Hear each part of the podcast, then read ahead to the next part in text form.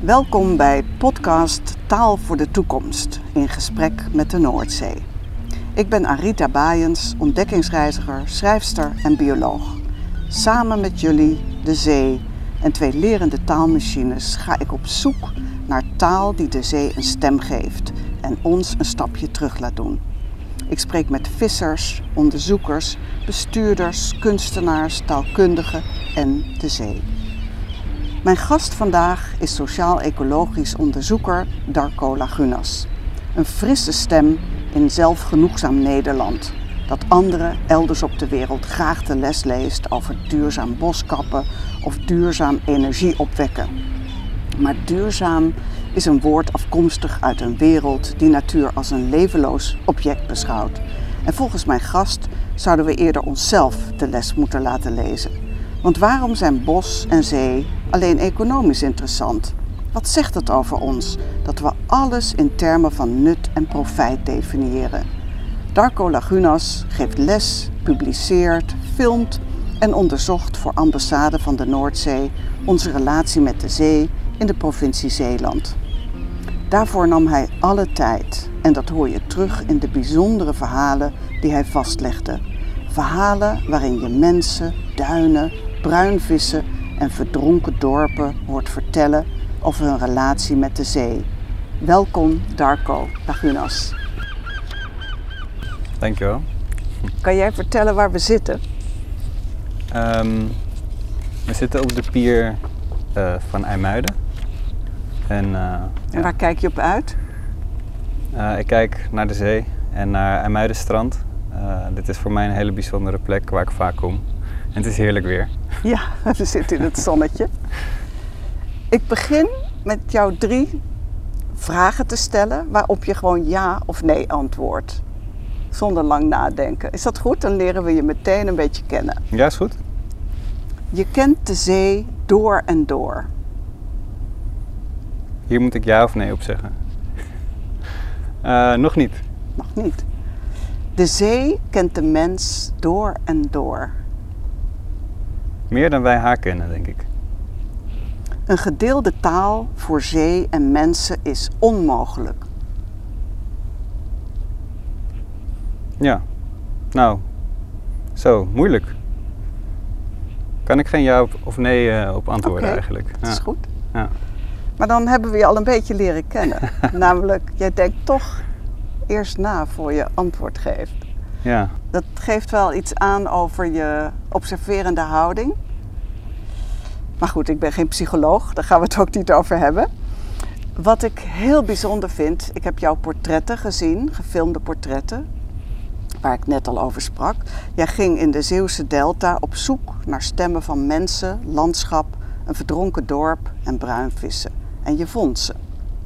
En ik wil heel graag met jou onderzoeken in dit gesprek welke verrassende of nieuwe inzichten je opdeed, jij persoonlijk. Mm -hmm. Aan de hand van de vier karakters die je uh, portretteerde. En allereerst is daar een heel bijzondere zeeman, Ralf Ferdinand. Ja. En hij zegt over de zee: iedere zeeman ziet de zee als zijn moeder of zijn vrouw. Ja, de zee is, zee is een soort of zijn moeder of zijn vrouw. Ja, voor mij is het mijn vrouw. En niet onbelangrijk is dat je Ralf hebt leren kennen als oprichter van het Slavernijmonument in Middelburg. Ja. En zo kwam het eigenlijk toevalligerwijs dat hij zijn verhaal over de zee vertelde. Ja. En dat is geen zeebonkeleriek, maar eigenlijk een heel fijngevoelig verhaal. En als je, om te beginnen, één ding noemt wat nu meteen bij je naar boven komt. Wat kwam je dan te weten van Ralf Ferdinand? Dat vind ik echt een hele moeilijke vraag eigenlijk. Maar wat mij heel erg opviel in uh, onze benadering tot hem, is dat ik dacht in ieder geval van, ik ga met Ralf in gesprek over uh, zijn rol in het oprichten van het slavernijmonument. Uh, en het was nog echt in de, het voorverkenning van het onderzoek. Dus ik sprak eigenlijk heel veel mensen, heel verschillende mensen. Het was helemaal niet de bedoeling om echt met de zee in gesprek te gaan. Dit was echt nog een voor, een quickscan, noemde ik dat. Maar Ralf was heel duidelijk en hij wou echt namens de zee spreken. En dat vond ik eigenlijk heel mooi. Dus ehm, Hoe, hoe merkte je dat dan? Dat, hij was heel duidelijk. Hij zei, ik wil eh, vooral spreken vanuit de zee en vanuit mijn eh, ervaring op zee als zeeman. Hij heeft 50 jaar eh, zeeman ervaring als zwarte man, wat ook zeker wat betekent. En ehm, ja, daar, vanuit die wou hij spreken. Dat was echt heel onverwachts, maar super mooi. Nou, wat mij denk ik het meest bijbleef is dat hij zich meer thuis voelt op zee dan op het land. Een van de dingen die hij zei is dat, hij, eh, dat er een moment was op zee waarop hij een soort shift maakte, heel onbewust. Eh, dat hij begon te spreken over walmensen in plaats van eh, ja, gewoon mensen. En hij noemde ze ook walmensen. Walmensen, ja. Ha. En ja, wat hij ook vertelde is dat zodra hij thuis kwam bij zijn familie, dat hij eigenlijk ja, in de planning stond natuurlijk altijd al dat hij weer binnenkort, binnenkort moest uitvaren. Ehm, dus hij kwam thuis en eigenlijk was hij er wel, maar ook weer niet. Want hij zou bijna weer vertrekken. Dus het was niet dat hij niet thuis kwam, eh, maar misschien wel meer thuis was op zee alsnog. En dat was, ja, Had je nog nooit over nagedacht dat je mensen die wij juist gewoon vinden op het land, dat je die vanuit de zee beschouwt, een ander soort vindt, waar je zelfs een naam voor hebt?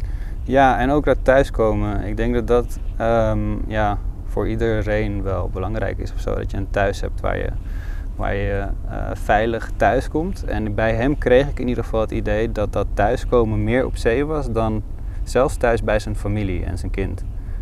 Eh, dus ja, maar dat, dat kan mijn eh, interpretatie zijn. Heeft hij jou misschien ook verteld dat als hij dan weer naar zee ging, begroette hij de zee dan? Zeker. En begroette de zee hem ook? Ja, zeker op de brug vertelde hij dat. dat hij dan, dan staat hij op de brug en dan eh, groet hij de zee. En, ja. ja, en hij sprak ook over afstemmen met de zee. Dus hij gaf een aantal voorbeelden. Mhm. Ehm, nou, er was bijvoorbeeld nu heb je ook weer, eh, laatst had je met die storm, eh, dat er een paar containers van een schip zijn afgevallen ten noorden van de Waddenzee. En toen was er ook een schipbreuk eh, geweest.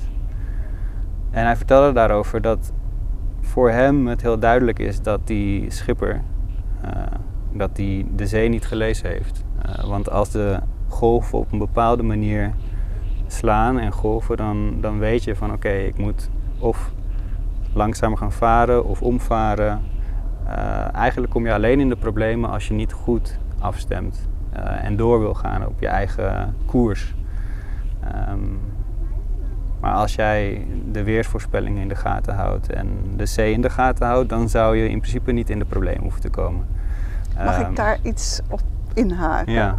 Of iets op inhaken? Mag ik daarop inhaken? Want mijn, een van mijn vragen aan jou was of een gedeelde taal mogelijk is. Mhm. Als ik nu naar jou luister, Ja. denk ik wat Ferdinand, eh, Ralf Ferdinand betreft en de zee, Ja. is er een gedeelde taal. Hij Ja. kan de zee lezen. Mhm. Of heb ik het mis? Nee, ik denk wel dat dat ehm, de taal is ehm, waar ik zelf naar op zoek ben in ieder geval. Mhm. Maar die is wel, eh, want bij taal denk ik ook vaak aan vocabulaire, eh, aan woorden. Eh, en dat hoeft het natuurlijk niet te zijn. Maar daar ben ik nog zoekende in eigenlijk. Ja. Daar komen we straks op terug. Is dat goed? Ja. Ehm, en dan, verrassend genoeg, laat je ook de duinen spreken. En dat doe je in gesprek met een kunstenaar die zijn hele leven ongeveer in de duinen doorbrengt, Marinus van Dijken. En Marinus van Dijken die komt al tientallen jaren in dezelfde duinvallei en hij raakt nooit uitgekeken. En waarom? Omdat alles daar per dag en per uur verandert. Hij legt al die bewegingen, de kleurverschillen, de wolken, hij legt het allemaal vast op zijn manier. Is in jouw ontmoeting met de duinen, is daar iets veranderd doordat je via zijn blik de duinen hebt leren kennen? Daar is heel veel veranderd. ja, zeker. Nee, de duinen die ehm, zag ik eerst echt als ehm, ja, een soort verlengstuk van het strand of een transitiezone naar het strand toe. Van ja, heuvels. Ik zag er eigenlijk niet zo heel veel in, maar nadat ik met marines in gesprek ben geweest, zijn de duinen ja, een van de mooiste dingen geworden voor mij uh, die er zijn. Ja.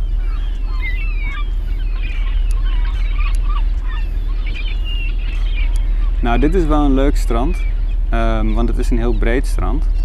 En wat je eigenlijk, als je daar gaat staan, uh, zeg maar richting IJmuidenstrand dus loopt vanaf hier, dan um, zie je allemaal kleine heuveltjes. En dat zijn allemaal beginnende duintjes. Ja. En um, wat Marines zou zeggen, of tenminste hoe ik het uh, uh, van hem heb geleerd om daarnaar Ja. te kijken, Ja. is om dat als babyduintjes te zien. En ehm, eigenlijk een duin, in de woorden van Marines, is pas echt een duin als hij vrij kan bewegen. En eh, het- zodra er dus helmgras opgroeit of andere eh, vegetatie, nou dan is het nog steeds een duin, maar eh, dan wordt hij wel in zijn vrijheid beperkt. Eh, en die duintjes hier, die hebben eigenlijk alle vrijheid om te doen wat ze willen. Dus dat is, vind ik zelf heel erg leuk. Ehm, de duintjes die je daarachter ziet liggen, richt- richting Ja. het hotel, dat Ja. zijn echt ja, geketende duintjes, zou ik zeggen. Want die liggen vast. Die mogen nergens heen van ons. Want Dus het is wel heel mooi. Ik hoor nu allerlei woorden voor het eerst. Geketende duinen, babyduinen. We horen hier ook zwaar gebonk, waarschijnlijk van een containerschip wat hier achterlangs komt. En dat gebeurt allemaal in hetzelfde moment. ja, Ik wil met jou gaan naar een derde verhaal over Ja. de verdronken dorpen. Heel bijzonder weer. Je laat dan een archeoloog aan het woord, Jan Kuipers. En hij schreef al heel veel boeken over het oprukken en terugtrekken van de zee. En hij vertelt wat die verdronken dorpen ons influisteren. En waar Zeeuwse legendes ons voor waarschuwen. Het is ook weer een perspectief op de zee waar je nooit bij stilstaat, zeker niet in Nederland. En wat vertellen dan die dorpen die door de zee zijn verzwolgen? Wat hebben ze jou verteld? Hmm. Eigenlijk dat de zee altijd al aan het oprukken is. En ehm,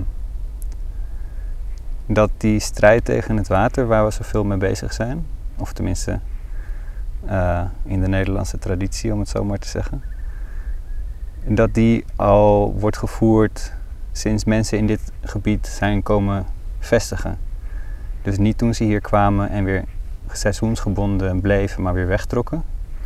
Uh, maar sinds we hier uh, terpen zijn gaan maken en uh, dijken zijn gaan aanleggen, vooral sinds de Romeinse tijd, ja, is eigenlijk die strijd met het water, met het water begonnen en is dat, dat bezetten van het land, dat toe-eigenen van het, van het land gestart. En is als het ware steeds meer, ja, dit is wat ik eruit heb gehaald, een, een kunstmatig gebied ontstaan. Wat dus ja, door de mens behouden moet worden.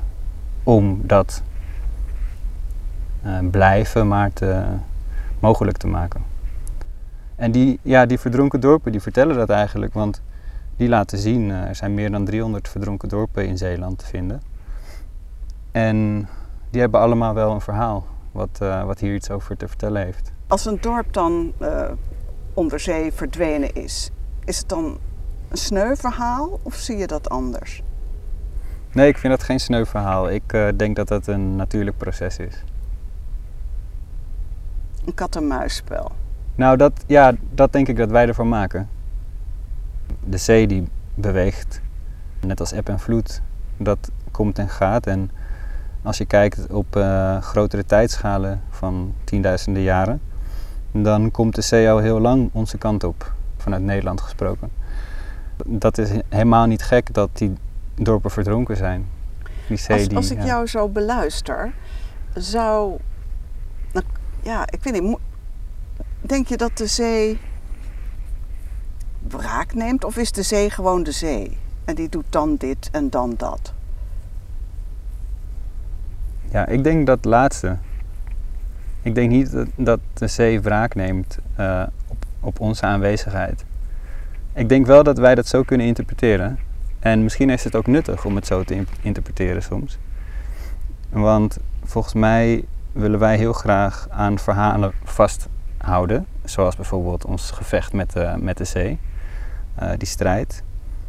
Ehm, ja, en als je dan als je dat verhaal dan wil geloven, dat wij continu in gevecht zijn met de zee, en je gaat er dan vanuit dat die zee terugvecht, dat zit daar dan denk ik in, in die aanname, Ehm, nou dan is die zee behoorlijk aan het winnen.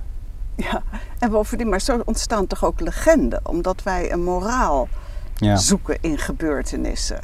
En ik weet dat jij de zee daar een vraag over hebt gesteld. Jouw vraag is: welke legendes vertelt de zee over haar relatie met de mens? Zal ik jou het antwoord van de zee geven? Van de lerende taalmachine die de zee vertegenwoordigt. oké. Is dat goed? Ja. Ehm, hier komt het.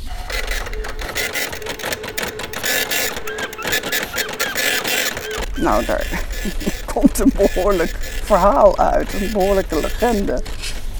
Lees eerst maar even zachtjes en misschien wil je het dan voorlezen. Over cannibalistische hotspots. Ik zie een vriendelijk fles waar de zeestraat is van eendedons. Mist. Een peddel of is het een kleine vogel? Botten die wegspoelen.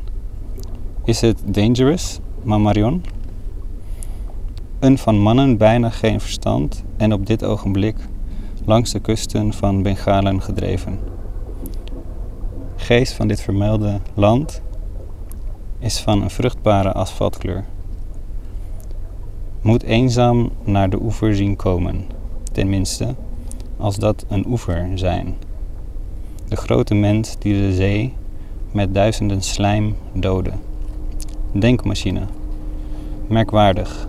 Het is zee die stuurt. Dit is wat de legende.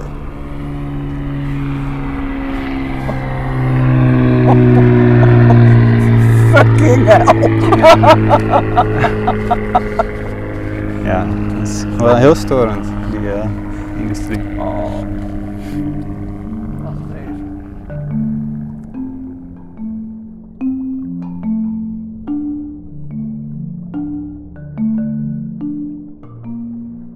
Is er één ding wat je vooral treft of Nou, ik?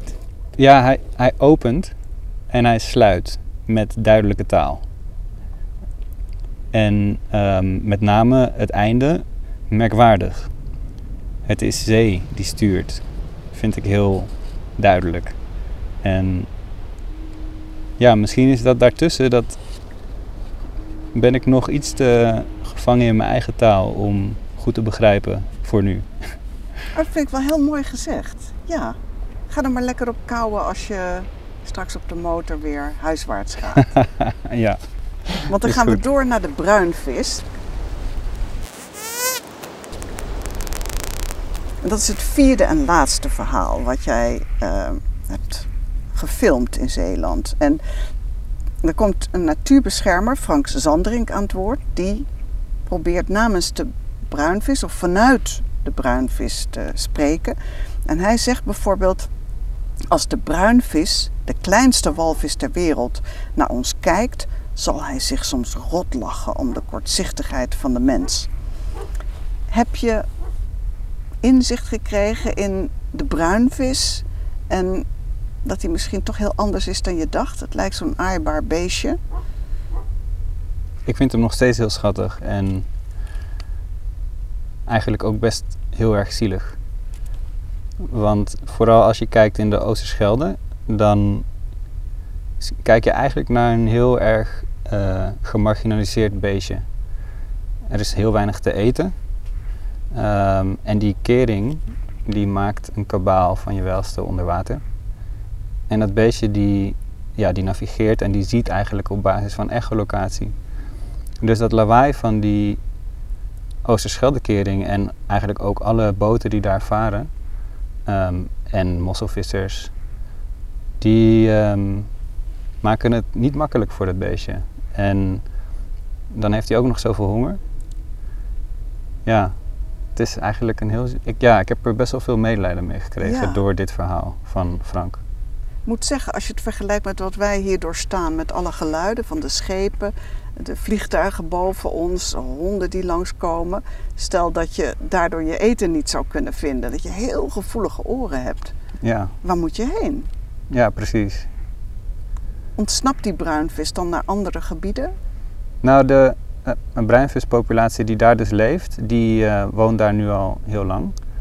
Ehm, en die kan, ja, hij kan dus wel eruit, maar doet het eigenlijk niet, omdat eh, het enige moment waarop het zou kunnen is op het punt van de kentering, dus tussen eb en vloed.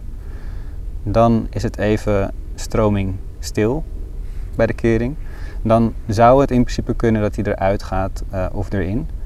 Maar ja, volgens eh, ja, hoe ik het heb begrepen is dat hij dat dus niet doet. En dat hij dus blijft. En eh, ja, nu ook wel kan overleven, maar wel met een bepaald dieet. Ja. Geen vette vis. Ja. Nou, ik moet wel zeggen, in het gesprek met jou en via jou, dus ook met de bruinvissen en de duinen en de mensen daar, krijg ik ook wel een eh, ander beeld van de zee dan ik had. En dat brengt me dan op het laatste punt wat ik graag nog met jou eh, wil behandelen, namelijk een tweede vraag aan de zee. Of de zee een trauma heeft, of er trauma's leven in de zee en waaraan deze je kunt herkennen. Dat mag je een praatje noemen. Wel schrik, een beetje onbewust door mensen.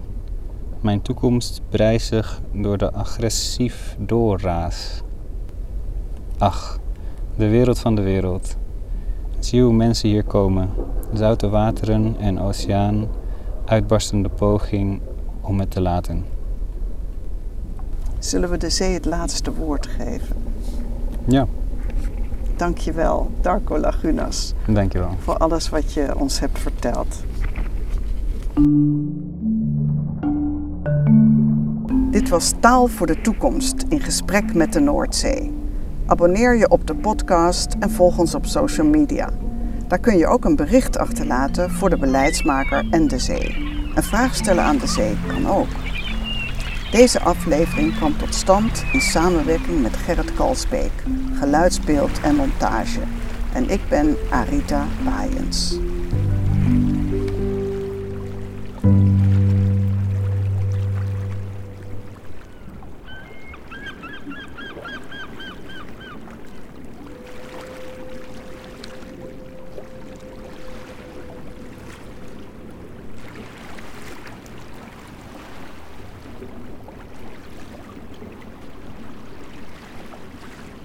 Op zee heb je een zee van ruimte.